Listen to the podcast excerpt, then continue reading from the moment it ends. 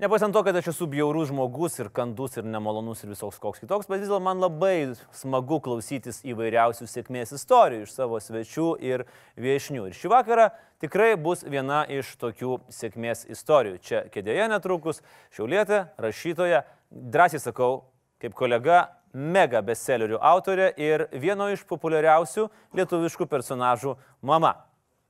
Pasveikinkim plaimais. Lina Žutautė. Labas, Lina. Labas, Andriu. Prašau. Dėkui. Teisingai pristačiau. Populiariausias literatūrinis personažas Lietuvoje. Kakė Makė. E, taip, dar pamiršai pridėti, kad iliustruotoje. Iliustruotoja. Taip. Čia labai keista profesija. Ne dailininkė, o iliustruotoja. A, Kuo skiriasi knygos dailininkas nuo knygos iliustruotoja? a, sunkus klausimas. Iš tikrųjų, taip yra tiesiog vadinama iliustruotojas. Mhm. Nes dailininkas tai galbūt platesnė savoka, o iliustruotojas tai čia grinai kas susijęs su knygomis. Kaip jūs prisimenat savo vaikystę? Ko- Kokie, pavyzdžiui, ryškiausi momentai iš jos? Kurie, vat, žinot, kaip kiekvienas turi savo kelis momentus, kurie yra labai ryškus, labai išlikę. Pietinė rajons. Pietinė rajonas. Čia gerąją ar dabar blogąją prasme nuskambėjo? A, nežinau, vaikystėje tai gal turbūt buvo gerai, o dabar tai galbūt žiūriu į tą pietinį rajoną šiek tiek, a, net ne tai, kas su nostalgija, bet galbūt šiek tiek skeptiškai, nes matau, kad kol kas jisai iš vaizdo nesikeičia į geresnę pusę, na šiek tiek truputį. Bet vaikystėje tai buvo, buvau turbūt betono vaikas, nes iš tiesų tai teko aukti šitam pietiniam rajone. Mhm. Nežinau, buvo didelis kiemas, buvo daug draugų, smagu buvo. Su mučiute kortom loždavot. Jo. Ką loždavot, kas laimėdavo? A, tai iš pradžių jinai, paskui aš. Iš pinigų žaisdavot? E, Ne, ne, nežaisdama iš O pinigų. iš ko žaisdavot? Atsimenu, e, vadinosi tas žaidimas karusė. Karuselė. Nu, Karuselė. bet Kur bet ten- ten... vadindavo karusė.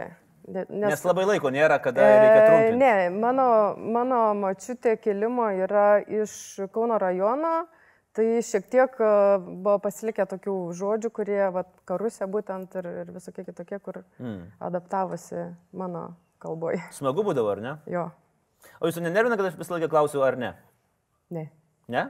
Dabar jau nebe. Bet buvo momentas, kai nervina. Jo, iš tiesų tai ar, ar, buvo- ar Lina pradės nervintis? ar Jo, jo, jo, O buvo kodėl tokia, būdavo? tokia būdavo baisi mada, tiesiog kaip kalbo šiukšlė. Tai tiesiog atsimenu, kad aš klausius, neatsimenu dabar per radiją ar, ar per televizorių kažkas kalbėjo, tai tiesiog kas trečias žodis, ar ne, ar ne. Nu, tai taip ir norisi atsakyti, nu ne, nu, tai kiek galima. Bet, uh, Lina, planų būti rašytoja nebuvo, kai jūs augot. Jūs norėjot... Ne, visiškai. Buvo diapazonas tarp dviejų profesijų, teisingai, aš suprantu. Gal nedaugiau. Daugiau, o kokios buvo tos profesijos? Žinau, kad buvo veterinarė, norėjo Jo, čia tokia. su karvytėm ir to- su šuniukais. Ne, su šuniukais. Su šuniukais, su karvytėm ne. Aš nesuprantu, kodėl visi mano svečiai, jūs esate kokie gal šešta ar septinta, kuri turėjo svajonę būti veterinarė ir visi norėjo tik su šuniukais ir kačiukais. Prie karvyčių ir sergančių kuilių niekas nenorėjo. Nu, vaikystėje šito kuilio tai turbūt iš vis nebuvau mačius. E, tokio kaip kaimo iš vis pas mane nebuvo, tai aš net iki šiol neskiriu ten kokios morkos nuo krapų. Ar tikrai, nu, Rimtai. ei. Ne, rimtai, nu, niek, mano tėvai niekada neturėjo sodo. Morkos nuo krap, aš skiriu morką nuo krap. Aš, aš turiu omeny lapus. Ai, ne, tai lapų niekas neskiria. Čia jau neperšokim, ne, ne, Tai, nenorėkim. va, ir, dalykų. ir, ir tiesiog iš tikrųjų neteko man pamatyti tų stambių gyvūnų ir aš savęs niekaip neįsivaizduočiau prie jų. O tiesiog čia gal tas veterinaro profesija kilo iš, nu- iš to, kad uh, tradiciškai tėvai neleido turėti šuns, Mhm. leido turėti visokius pakaitalus. Ką reiškia pakaitalai? Ta Keulytė? Jo, ne, keulytės nebuvo, buvo žiūrkienas, buvo papugėlė. O kodėl Atsi- šuns neleido? Nes gyvenat mažam būte? Uh, Čia sakė, man kadangi irgi labai rezonuoja su mano paties vaikystė. Kur... tai čia tradiciškai, kad uh, seneliai neleidžia. Senelė neleidžia. Man taip sakė. O tai nebandėt su mučytė žaisti kortom iš šuns? Neatsimenu, bet nebandžiau, bet atsimenu save, kad žiūrėjau tokį animacinį filmuką, turbūt visi mano amžiaus atsimena, kur mergaitė, e, kuri norėjo labai šuns, vedžiojo pirštinį. o Aš buvau irgi tą patį padarius. Aš, ten, aš dabar, dar verkiu, kai žiūriu. Jo, tą, čia tą toks filmuką. siaubingai baisus tas. Ir jūs turėjote tą pirštinaitę. Jo, aš jūs... surizikavau vieną sykį, bet paskui kažkaip susigėdau, gal nežinau. Supratau, kad be šansų. Dabar aš peršoku, bet čia labai tinkama vieta mūsų pokalbį, nes aš e, jūsų Facebook'e mačiau prieš kelias dienas įrašą, kur pasidalinot vaizdu, kaip berniukas, handleris e, parodoje vedžiojo šunį ir sakėt, jeigu vat, aš būčiau turėjęs, nebūtų buvęs nei kakės makės, nei nieko. Jo. Teisybė? E, taip, teisybė, ten iš tikrųjų tai ne paroda buvo, ten buvo toks rašūnų sportas agility. Mhm. Ir tenai jinai, žodžiu, kaip, kaip handlerė dalyvavo, ten buvo mergaitė, berots ne berniukas. Na, e, nu, žodžiu, aš beveik viską teisingai pasakiau, tik ne paroda, o, o varžybos ir jo, mergaitė. Esmė berniukas. ta, kad iš tiesų aš taip galvoju, jeigu aš būčiau e, turėjusi galimybę, nes vis tik tai, tai buvo svajonė numeris vienas. Turėt šunį. Turėt šunį, jo. Tai tiesiog, va tokia, va kaip įkopti Everestą, tai turėt šunį. Ir mm.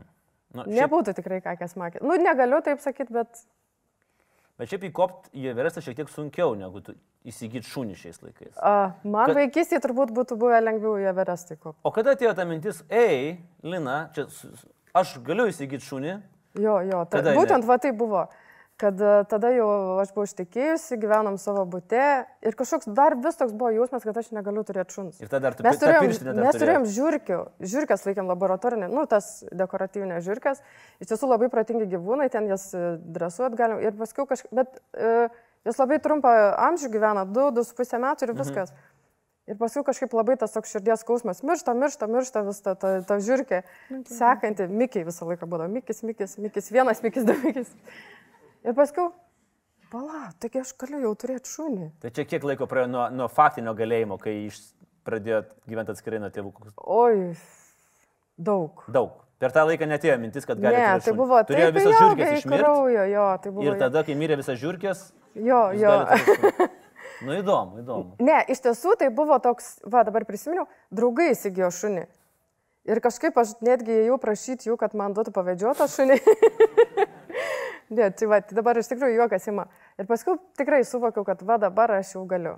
Hmm. Ir tada. Ir tada jau pradėjau. Jo. Šun... Atsigavau. šunų vardai Mikiai irgi? Ar... Ne, e, Mikiai nebuvo, buvo Pipa vardas. Hmm. O šunys veisliniai ar... ar e, iš... Pirmoji tai ne, buvo pipa numeris vienas, buvo paprastas mažas šuniukas iš turgaus. O tai kiek pipų turėjo? Dvi. Nes tą pirmąją e, suvažinėjo labai netyčia toks. Nes jūs labai nepersistengėte su vardu. Jo, nepersistengėm, nes tai buvo toks labai geras vardas. E, tą, tą pipą aš įsiminiau, nes žiūrėjau dar vaikystį, toks serialas buvo uh, Be namų negerai. Taip. Jo, tai va ten iš, iš to serialo, jo, tai ten taip, buvo tokia veikėja pipa ir tas vardas man gal labai čia mano šuniai tinka. Bet jūs turėjote tokį darbą, vėlgi, kiek, kiek, kiek man teko mm, pasidomėti, kad įdomus darbas buvo, bet ir jūs pajutot, kad jeigu dar ilgiau įdirbsit, tai numirsit. Jo, neįdomus tas darbas visai. Aš dirbau paprastą dizainerę, tiesiog ten maketuoju bukletus, vizitinės, nu, visą, visą tai, kas reklamos rytyje paprastai būna. Uh, Ir tiesiog ateina toks laikas, kai tu jau visus šriftus žinai mintinai, ten žinai, kur ką padėti ir visiškai nieko naujo nebėra, absoliučiai nieko naujo. Tai čia jau viskas, jau, aš tokioje vietoje negaliu būti, jau man jau atrodo viskas, galiu geriau mesti ir išeiti, nežinau, bet ką daryti. Ir išėjot il, dirbti iliustratorių. Jo, taip gavosi, kad aš jau, kai pasakiau, kad aš jau toj mirsiu, mhm. gavau pasiūlymą dirbti vienoje leidykloje. Konkrečiai tai buvo Briedis leidykla mhm. Vilniaus. Koks yra procesas iliustruoti, nes pradžioje jūs iliustravot kitų žmonių knygas, aš teisingai suprantu. Kaip vyksta procesas, kaip, e, kiek sudėtinga yra atrasti bendrą kalbą su autoriumi, kuris galbūt tą personažą įsivaizduoja vienaip, o, o iliustratorius visai kitaip. Aš, pavyzdžiui, pakankamai savo, savo paties knygai, kai reikėjo iliustracijų, gan ilgai ieškojau iliustratorius, kol mes po to atradom labai, labai gerą chemiją su, su, su, su savo knygos. Kaip jums sekėsi? Iš tikrųjų, man tai sekėsi labai puikiai, nes kažkaip nebuvo taip, kad autoriai sakytų, kad čia perpešk dabar viską. Nes aš, e, pirmoji mano knyga buvo su dabar jau amžinaitilsi Gendručiu Markūnu, mhm. bendradarbiavau. Tai jam iš tiesų viskas tiko. Viskas nuo pradžios iki pabaigos, tai aš niekada ne, negavau iš jo kažkokios pastabos, kad čia dabar kažkaip taip, kažkaip panaip. Buvo tokių klausimų, kodėl, ir aš jam sugebėjau paaiškinti, kodėl, ir e, taip. Va, ir tada viskas. Viskas, jo, viskas. jo. Ir kaip iš kitų knygų iliustratorės tapot savo knygos iliustratorė ir autorė. Ir jūs esate minėjus, kad dvi priežastys buvo, kodėl atsirado Kakė Makė. Kokios? Uh, viena iš priežasčių, tai aišku, mano sunus. Nes e, būtent to garsaus derinio, ką Kemakė, jis, jis yra autorius. Jis gauna procentą nuo... Aha, jis gauna e, fiksuotą sumą už konsultaciją piešiant knygą. Oho, Taip. tai vadinasi, jis irgi prie reikalų. Jo, todėl, kad e, tiesiog aš jam pasakiau, kad e, protinis darbas turi būti apmokamas. Mhm. Neturi būti, kad jeigu tau nesunku, tai padaryk. Arba jeigu žinai, tai pakonsultuok. Mhm. Aš manau, tai vis tik tai pakelia jo tokią savivertę ir jisai supranta, kad uh, turi tą darbą padaryti gerai ir tada gauna atlyginimą. Nu, toks va tarsi Taip. indėlis mano. Ir ten dar su jo dantimis buvo istorija. Taip, uh, mano sūnui tada buvo maždaug 3 metai ir jis kategoriškai atsisakė valytis dantis. Mhm. Ir man kaip mamai nieko kito neliko, kaip tiesiog sugalvoti būdą Nu, tiesiog aš pati tada turėjau daryti, bet jisai turėjo pastovėti ramiai ir buvo sunku susitarti, kad jis ramiai pastovėtų. Ir tada jis man sako, gerai, mama, jis jau labai, šiaip labai puikiai šnekėjo, būdamas trijų metų, nes anksti pradėjo kalbėti. Jis sako, gerai, mama, aš įstovėsiu, bet su salga tu man tada pasakok istoriją. Mhm. Gerai, sakau, papasakosiu, apie ką norėtum išgirsti istoriją. Sako, norėčiau apie mergaitę. Nu, man buvo truputį keista, kad berniukui reikia pasakoti apie mergaitę. Gerai, sakau, aš papasakosiu tau istoriją apie mergaitę, bet man e, šiam atveju reikia e, žinoti jos vardo. Na, jis pagalvojo, kas dvi sekundės ir sako, ką kemakė nu ką kemakė, tai gerai. Ir tada pradėjau aš kiekvieną dieną kurti tas istorijas ryte ir vakare, nes dantis valom du kartus. ir reikėjo man kasdien po dvi tas istorijas sukurti. Nu tai aš jau stengiuosi, kad jau jam patiktų kaip berniukui ir tą ką kemakė ten kojant tik tai neveikia. Ir taip pat ir tos istorijos buvo. Mhm. O antra priežastis yra ekonominė krizė. Taip. E, antroji priežastis - ekonominė krizė, nes būtent tada taip ir sutapo tas laikotarpis, kad aš e, turėjau porą užsakymų ir e, tiesiog viskas leidyklos pasakė, kad stabdom projektus ir, ir, ir viskas. Ir aš atsimenu, gal buvo kokie 3 ar 4 mėnesiai tušti, be jokio darbo, o aš jau tas istorijas apie ką kemakė buvau neblogai išrutuliojus ir aš kažkaip taip tokia, o, mintis, kad taigi aš jau turiu pati istoriją mhm. parašytą. Mhm Tiesiog ne tai, kad parašyta, bet e, viskas jau yra sudėliota. sudėliota. Ir tada aš paėmiau, užsirašiau, tai būtent buvo ta istorija apie Kakę Makeriną tvarkos nikštuką. Ir nusinčiau leidyklą ir tai čia toks yra iš vis topinis e, įvykis, kad aš nusinčiau, atsimenu, galbūt tai buvo kažkur tai antrą valandą dienos, trečią valandą aš jau gaunu atsakymą, kad kaip ir tinka, bet reikia dar patvirtinimo, beros tai buvo antradienis. Trečiąjį patvirtino, o penktadienį aš jau pasirašiau sutartį, kad uh, viskas. Nors leidikla matė labai mažą dalį, buvo tekstas, tai kiek ten 500 žodžių, tai ką kas makės knygui, ir buvo dvi iliustracijos. Mhm ir viskas, ir žodžiu. Aš yra visiškai sėkmės istorija, nes mes e, abu du žinome, apie kokią leidiklą yra eina kalba, tai yra Alma Litera, tai yra Taip. didžio, didžiausia leidikla, kurie gauna labai daug tokių istorijų ir labai daug romanų ir jie, kaip jie sugebėjo taip staigiai priimti sprendimą, na, bet matyt, turbūt buvo nuojauta, kad čia gali jo, kažkas būti. Iš tikrųjų, tai buvo būtent tą akimirką, aš atsimenu, kad buvo tokia kaip, nežinau, varpas galvoj, kad va dabar turi išsiųsti. Mhm. To, tokia... Balsai galvoju, liepėsi. ne, ne tai, kad balsai, bet, nu, tokia vidinė labai stipri nuojauta, kad aš jau aš ir anksčiau galvoju, kad gal reikėtų, gal kažkaip likrošiaus dariaus, bet būtent jutau, kad, pajutau, kad va, dabar, va, šiuo momentu aš turiu ten paspausk, ten siūsk ir... ir, ir...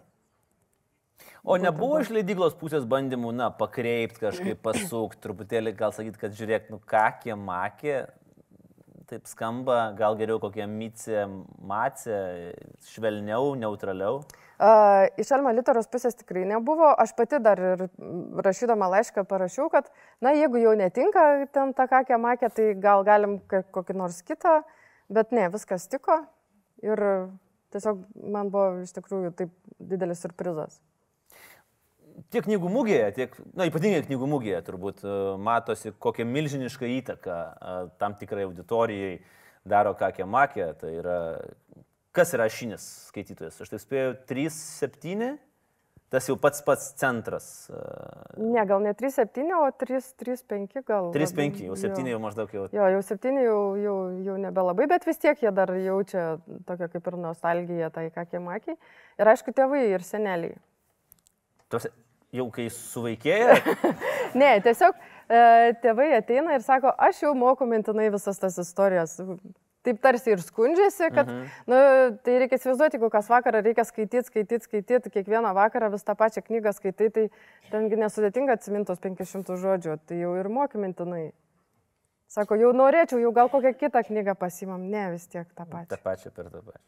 O jūs sulaukit kritikos, kad, na, va, dėl tokios įtakos, kad ką jūs darote su tais vaikais, pažiūrėkit, čia baisiais keliais nueis kakės makės prisiskaitę. Ne, to, tokios kritikos tai ne, bet tai visada kaip visokių hiterių yra, kad ir prie to vardo kabinėjasi ir, ir negražiai nupiešta arba kažkas dar, nu, viską galima sugalvoti. O aš, pavyzdžiui, skaičiau va tokį vienos psichologijos pasisakymą.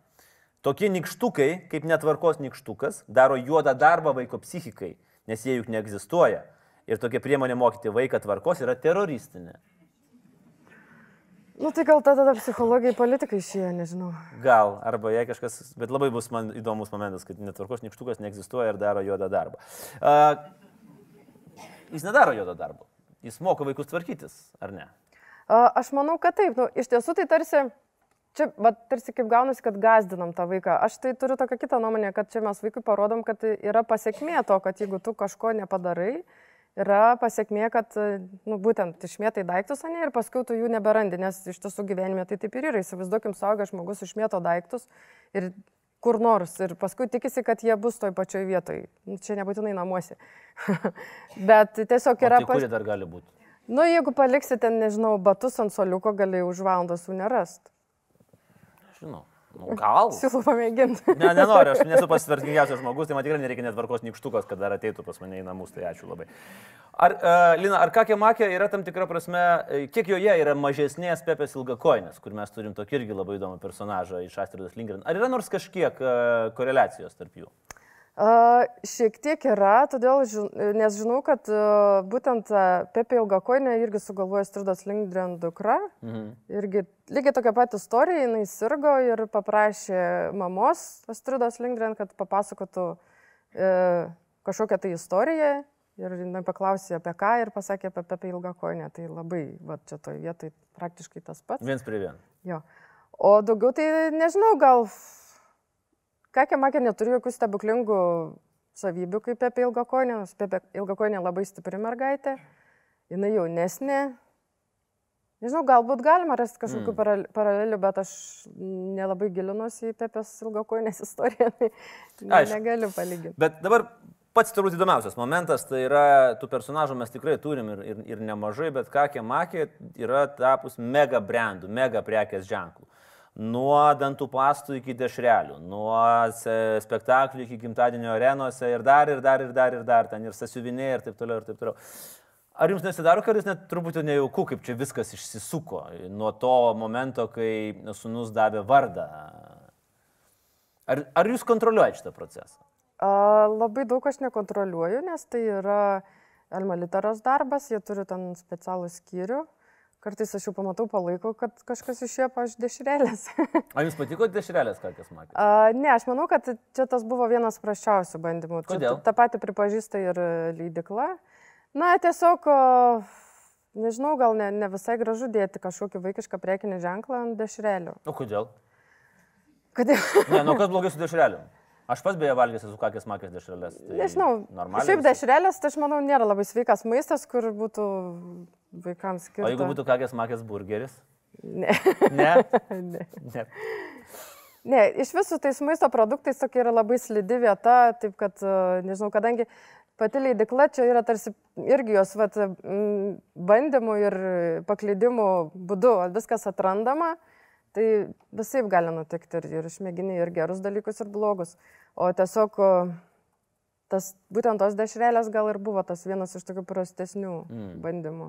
Bet jūs turit žodį kažkokį tai? Ar jūs esat palikę, jūs kuriat knygas, o jie tegu pardavinėja dešrelės ir, ir, ir, ir ką ten dar pardavinėja, dantų pastas ir, ir spektaklius stato. Aš dalinai kažkiek tai galiu pasakyti, bet iš esmės labai nesigilinu, nes jau dabar matau, kad kaip ir, kaip ir viskas tvarkoja yra, kad žinom, ko galima dėti, nes dabar paskutinis, tok, ne, nu, ne paskutinis, bet vienas iš tokių senesnių bandymų tai buvo, e, čia jau siūlo tie, kas nori užsidėti kakės makė ženklą, tai norėjau užsidėti kakės makė ženklą ant aliejaus. Ant aliejų. Jo, Genetiškai modifikuoto gal dar ne? nežinau, bet tiesiog jau, vat, e, leidikla pati suprato, kad tiesiog, vat, jau gana. Čia, aišku, galima tą siekiant pelno vis daugiau ir daugiau ant kažko dėti.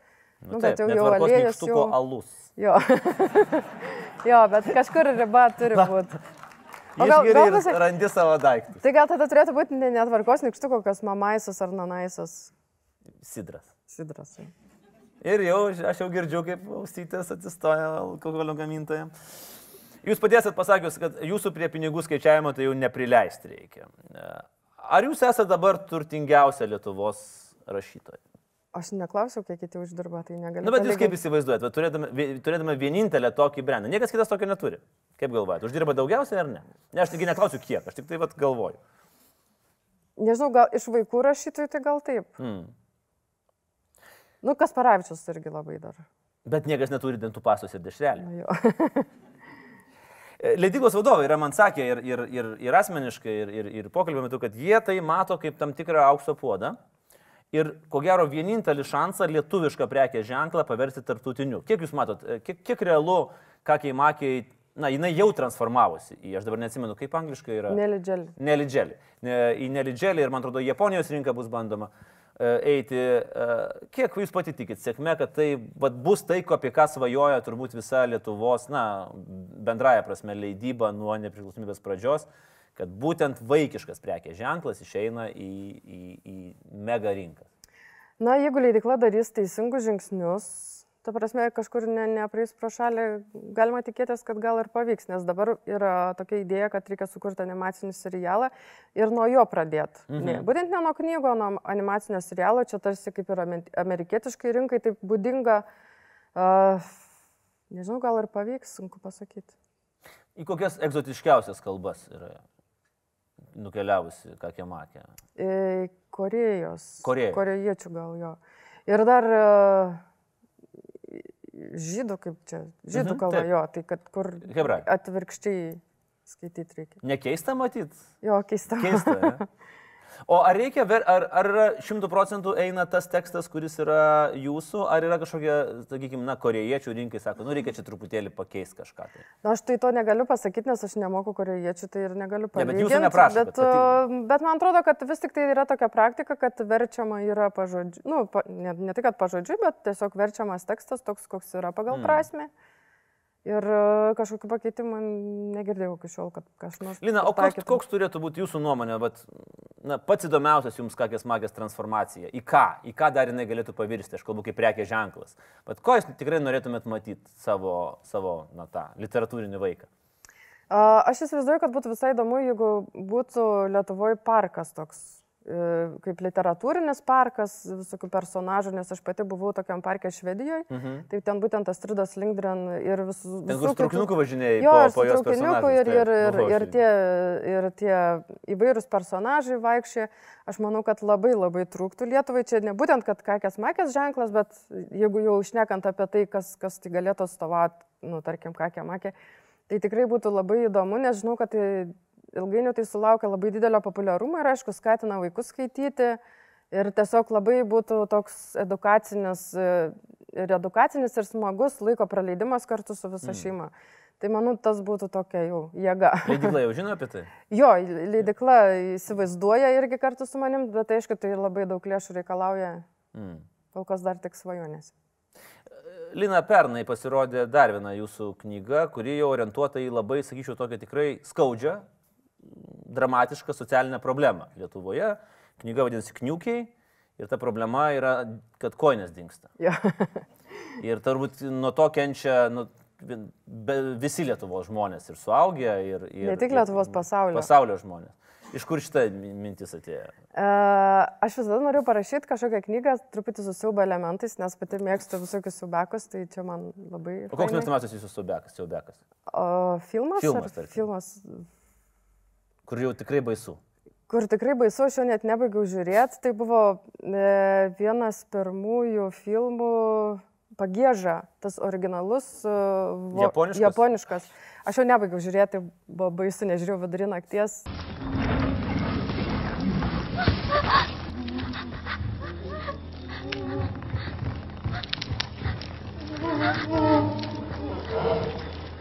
Vienintelis, kurio nebaigiau žiūrėti. Mm. Nes paskui bijojau net į tualetą nueiti. Jo, iš tikrųjų buvo baisus, tai nu, man patinka tokie. aš labai trumpa istorija, mano bi- bičiuliai žiūrėjo pagiežą ir po to jie išgirdo naktį, kaip kažkas triukšmauja apačioje. Ir jie nuėjo į apačią ir jie mato, yra išpiltas vanduo ir atsispindi menulis ir kažkas juda po tą vandenį. Ir sakė, buvo baisiausias momentas. Ever. O pasirodo, jie turėjo šitą furbį ir furbis įsijungė naktį, išpylė vandenį ir, ir pradėjo vaikščioti po tą vandenį. Sakė, aš galvoju, kad aš numirsiu vietoje.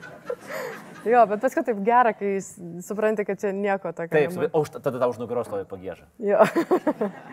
ir paliečia. Taip, Tai va, taip grįžkim prie, prie, jo. prie siaubo istorijų apie koinę. Tai va, aš norėjau parašyti kažkokį, nu, kadangi jau mažiem, kaip ir tie tų siaubekų nelabai, tai čia tarsi skirta nuo, nuo 10, nuo 11, va tiem jaunesniesiam paaugliam. Bet aš nenorėjau tokį iš piršto laužtą siaubeką kažkokį daryti. Aš norėjau, kad tai būtų nors kažkas, kas iš tikrųjų vyksta gyvenime. Ir aš prisiminiau tokį faktą, kad, a, žodžiu, skalbi drabužius, nu, koinės kartu, viską išsiemi, trūksta vienos koinės. Visada. Visada. Kur ta koinė dinksta? E, šitą dalyką aš atsiminiau, dar mes studentai būdavom, eidavom pas draugus, draugai turėjo skalbimo mašiną, mes neturėjom, žodžiu, skalb, išgeriam alus, išsiskalbėm, išsitraukiam, nėra Nu, eidavo koinės. talaus išgerti, ką jau čia slėpti. Nu, o jo. to dinksta koinės. Iš esmės tai įdavom skelbtis ir, žodžiu, sutraukė, nėra tos koinės ir kad esam net susiginčę, kad, nu, jūsų skalbimo mašina, gražinkit koinį. Studentam ta koinė tai buvo, nu, Taip, vertybė. Vertybė, nu, nes iš tikrųjų tada ten dar tie pinigai tokie buvo. Ir man kažkaip tai prisiminiau, kai su, sugalvojau, kad noriu parašyti tokią knygą, prisiminiau, kad buvo toks faktas ir pradėjau tiesiog internete žiūrėti. Pasirodo, visam pasaulyje yra tas reiškinys, kažkoks mistinis. E, net kažkoks vokiečių mokslininkas parašęs knygą e, Pabaisa gyvenanti skalbimo mašinoje. Na, aš vokiškai nemoku, tai negalėjau perskaityti. E, Japonai turi savo pavadinimą to reiškinio. Reiškinio pavadinimas. Jo, Dinksta jo, koinė. jo, jo, jo. Ir daugybę formuose perskaičiau, kad, nu, kas, kas tai galėtų būti, kas niekas nežino, kad vienas rusas net išardė skalbimo mašiną, bet nerado jokių koinų ten. Ir keiščiausia, kad, pavyzdžiui, nedingsta, nu, kažkokie apatiniai moteriški, nes, nu, jie tarsi pagal mm, apimti, jeigu paėmus, jie yra mažiau vietos užima. Jeigu galvot, kad jie kažkur ten įlenda į mm. tarp skalbimo, nu, dingsta tik tai koinė, viena. Viena. Jo. Nu, čia toks labai keistas dalykas. Ir, žodžiu, aš sugalvojau, kad aš turėčiau apie tai parašyti ir taip atsirado knyga Kniukiai. Ir, nu, aš ten sugalvojau tokią atskirą pasaulį, ką jie daro su tom koinėm, jie išsirita iš tų koinių. Čia kaip gremlinai. Jo, kažkas panašaus, nu, bet jie tokie kitokie, jie yra atsakingi už, e, kad žmonės ne, ne, kuo mažiau kankintų košmarai sapnuose. Mm. Nu, tai žodžiu, aš tokia sukūriau istoriją. Man pačiai buvo labai įdomu šitą knygą rašyti, aš ją parašiau gana greitai, gal per 2,5 mėnesio. Ir atsimenu, pati gyvenau tarsi šito istorijoje, kad net du kartus pervažiavau su raudoną šviesą, nes nežiūrėjau iš šviesoforo, galvojau, kas ten toj knygoje vyksta. Ačiū Dievui. Gyv- Gyva iki šiol. Atsargiai su šitais dalykais. Lina, pabaigai, jūs sakot, uh, mėgstu tvarkyti stalčius, nes ten randu savo svajonių. Irgi tokia jūsų citata. Prisipažinsit, kad taip sakėt? Ar Jo. irgi ginčytės su Jo, jo, ne, šitą tikrai sakiau. Kokias dabar svajonės randat? Ką, ką, apie ką dabar svajojate? stalčius dabar jau senokai tvarkiau. tai dabar tą vėl ištrauksiu, nuo ko pradėjom. Iš tikrųjų, ištrauksiu svajonę apie šunį ir manau, kad Tu vienai turi šuns? du, du dabar turiu. Tai nori daugiau? Ne, šunų? aš noriu, aš kažkaip, vat, vat, kai klausai dar apie, apie kuo aš norėjau būti vaikystėje, aš irgi iki šiol dar vis tai pagalvodavau, pagalvodavau, kad gal ir gerai, kad aš netapau tą veterinarę, nes iš tikrųjų aš norėjau būti ne veterinarė. Aš norėjau būti, yra dabar tokia, e, tokia profesija, Lietuvoje tikriausiai nėra, yra gyvūnų psichologai. Tai mhm. reiškia, e, gyvūnas, kuris patyręs traumą, na, pavyzdžiui, prieglaidoje arba skriaustas arba kažkoks, jį gražina į normalią būseną, ten, nu, kažkaip taip jam parodo, kad gyvenimas yra gražus. Tai va, turėjau patirties su Katinu, buvau, buvau priglaudus iš gatvės, tokį visai primuštą ir ploną kaip dviratis. Ir jisai pas mane atėjęs nieko daugiau neveikė, mėnesį laiko tik mėgojo, nu, valgė mm. į tualetą, ėjo ir, ir mm -hmm. tik mėgojo. Ir man paskui buvo labai įdomus tas procesas. Tas katinas buvo, buvo gana senas, jau gal kokio 8 metų, jis ten krūvą lygų turėjo. Bet aš vis tiek pasiekiau, kad jisai žaistų. ir aš pamačiau tas ugnelės jo akise. Mm. Buvo toks geras jausmas, kad tu gali tą gyvūną kažkaip tai, nu, parodyti jam tas gerasias spalvas. Mm. Kad žmogus nėra toks baisus padaras iš tikrųjų. Tai būtent tai, ką tu patiri per duodamas tą gyvūnui, tai tiesiog tokia neišpasakytas, e, nežinau, geras jausmas apima. Nu, ir įsivaizduokime, jūs esate gyvūnų psichologija, ką jūs pasakytumėt va, tom savo žiūrkiam? Kur tu turi pasakyti, kad tu ilgai negyvensi, ar ne, tau nedaug liko. Bet ir negali sakyti, nes susinervins. Kaip jūs, pavyzdžiui, tą vat, pateiktumėt ją, ją tą situaciją? Ne, nu, čia akise... negalima tokių dalykų sakyti niekam, net ir žiūrkiam. Uh, Ne, nu, žirk, žirkiam gal, galbūt psichologų nereikėtų, nes jie tokie gana paprasti gyvūnai. Aš manyčiau apie tuos, kurie, kurie daugiau masto, mm. tiem reikėtų rehabilitacijos. Tai čia jūs rimtai svajojat, ar, ar čia truputėlį sklandot padebesiais, kad e, keisit? keisit uh... Ne, profesijos aš kol kas negaliu keisti, bet Nes, aš, aš paprastesnė, nu, kur aš išmoksiu tos psichologijos iš tiesų Lietuvoje, nu dabargi neįsiu, aš ten kažkur studijuoti net neįsivaizduoju, ar galima tai padaryti. Sunkiai. Aš tiesiog jo, aš tiesiog, tiesiog labai puikiai leidžiu laiką su šunim, dresuoju juos, užsiemam šunų sporto ir manau, kad čia mano labai tokia gera vieta. Aš Pasi, tai pasitaupiau ant senatvės, ką veikti. net nereikia, net nereikia traukti iš stalčių svajonės. Jo, kai, na, jo. Yra. Lina ir pabaigai mes visų prašom to paties parekomenduoti savo mūsų žiūrovams knygą, mhm. kurią jūs norėtumėt. Na, ne savo, turbūt, o kažką kitą, kurią jūs, kurie jums paliko didelį įspūdį arba neseniai skaitėt, na, bet, bet, bet kuri. Tai aš grįžtu tada prie Subako, aš esu Steveno Kingo gerbėja. Prasideda. Bet uh, viena knyga mane labai nustebino, tai buvo Lizės istorija. Mhm. Ir jinai būtent tokia yra kitokia, ten tarsi romantiška, uh, bet kar, tokia romantinė istorija, bet kartu ir psichologinė, ir kartu tų siubekų yra, žodžiu, man labai labai jinai paliko tokį keistą įspūdį, aš perskaičiau ją, tai dar gal kas dvi savaitės vaikščiau ir galvoju apie tą knygą. Mm. Tai va, Lizės istorija rekomenduoju. Stevenas Kingas, Lizės istorija, dar viena knyga keliauja į mūsų biblioteką, o aš dėkoju Linai Žutautėjai už šitą vakarą. Ačiū Lina ir sėkmės okay. kuriant tarptautinį brandą. Ačiū. Suvenyras nuo mūsų laidos ir plojimai. Lina Žutautė. Ačiū. Ačiū.